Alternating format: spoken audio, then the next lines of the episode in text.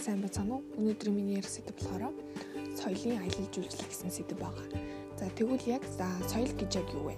За соёл гэдэг нь хүний нийгмийн гишүүн болохын хувьд эзэмшдэг мэдлэг, ихтгэл үнэмшил, урлаг, ёс суртахуун, хууль, зан заншил болон за бусад чадвар дадлуудыг багтаасан цогц бүрдлийг хэлдэг байгаа. За хүний байнгын идэвхтэй чөлөөт үйл ажиллагааны үр дүнд а бий болж уламжлагдаж байдаг хэм хэмжээ, ихтгэл үнэмшил, бэлэг тэмдэг, материалыг болон оюуны үнэт зүйлсийн цогц хүний хөгжсөн төвш юм аа. За тэгвэл аялал жуулчлал гэж юу вэ? За энэ болохоор миний бодлоор ямарваа хүн өөрийн чөлөөт цагаа зөвөр өнгөрүүлэн танин мэдгүй за мэдлэгээ илүү өргөтгөх ба шин мэдлэг туршлага хуримтлуулах за одоо ба өнгөрсөн үеийн түүхийг төлөөлж байгаа газар оронд аялдаг зүйл юм аа. За тэгвэл яг соёлын аялал жуулчлал гэж яг юу вэ?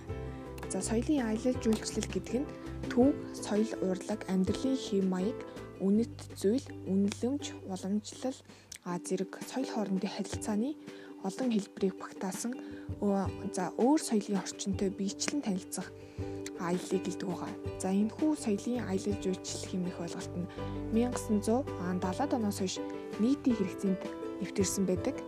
За соёл нь жуулчдын сонирхлыг татдаг нэг үндсэн хүчин зүйл бөгөөд энэ чиглэлийн үйлдвэрлэл бол соёлын аялал жуулчлал юм аа.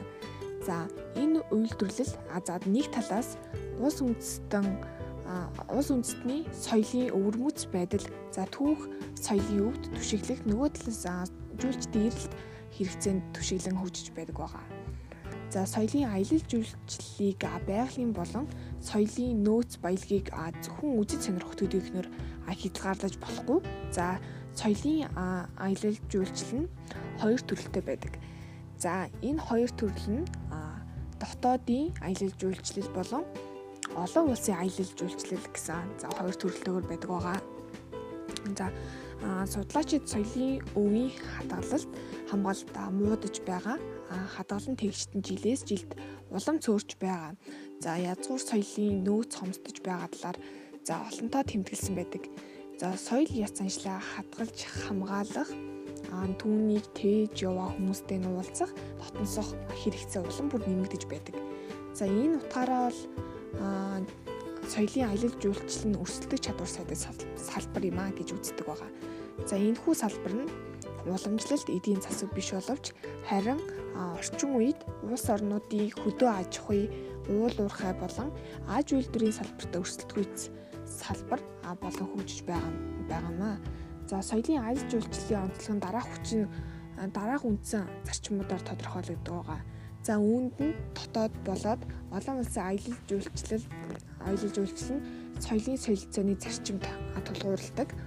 За байгалийн болон соёлын үеийн газрууд аялал жуулчлал хоёр өөр хоорондоо харилцаж хөтөлцөөтэй хөгжих өвийн газруудаар аялах жуулчлалын төлөвлөлт нь за жуулчдын эрэлт таашааллыг бий болгож болгох үндсэнд тулгуурлан хийгдсэн байдаг. За аялал жуулчлалын төлөвлөлтөнд орон нутгийн хүн амын онцлогийг тодорхойлох онцлогийг за тодорхой тусгаж өгсөн байдаг. За соёлын аялал жуулчлал нь орон нутгийн хүн амын амжиргаа, нийгэм, эдийн засгийн хөгжилд үр ашиг өгөхөд чиглэгдэх аялал жуулчлалын хөтөлбөр байгалийн болон за соёлын өвгийн хадгалалт хамгаалтыг бэхжүүлэхэд чиглэдэг байгаа.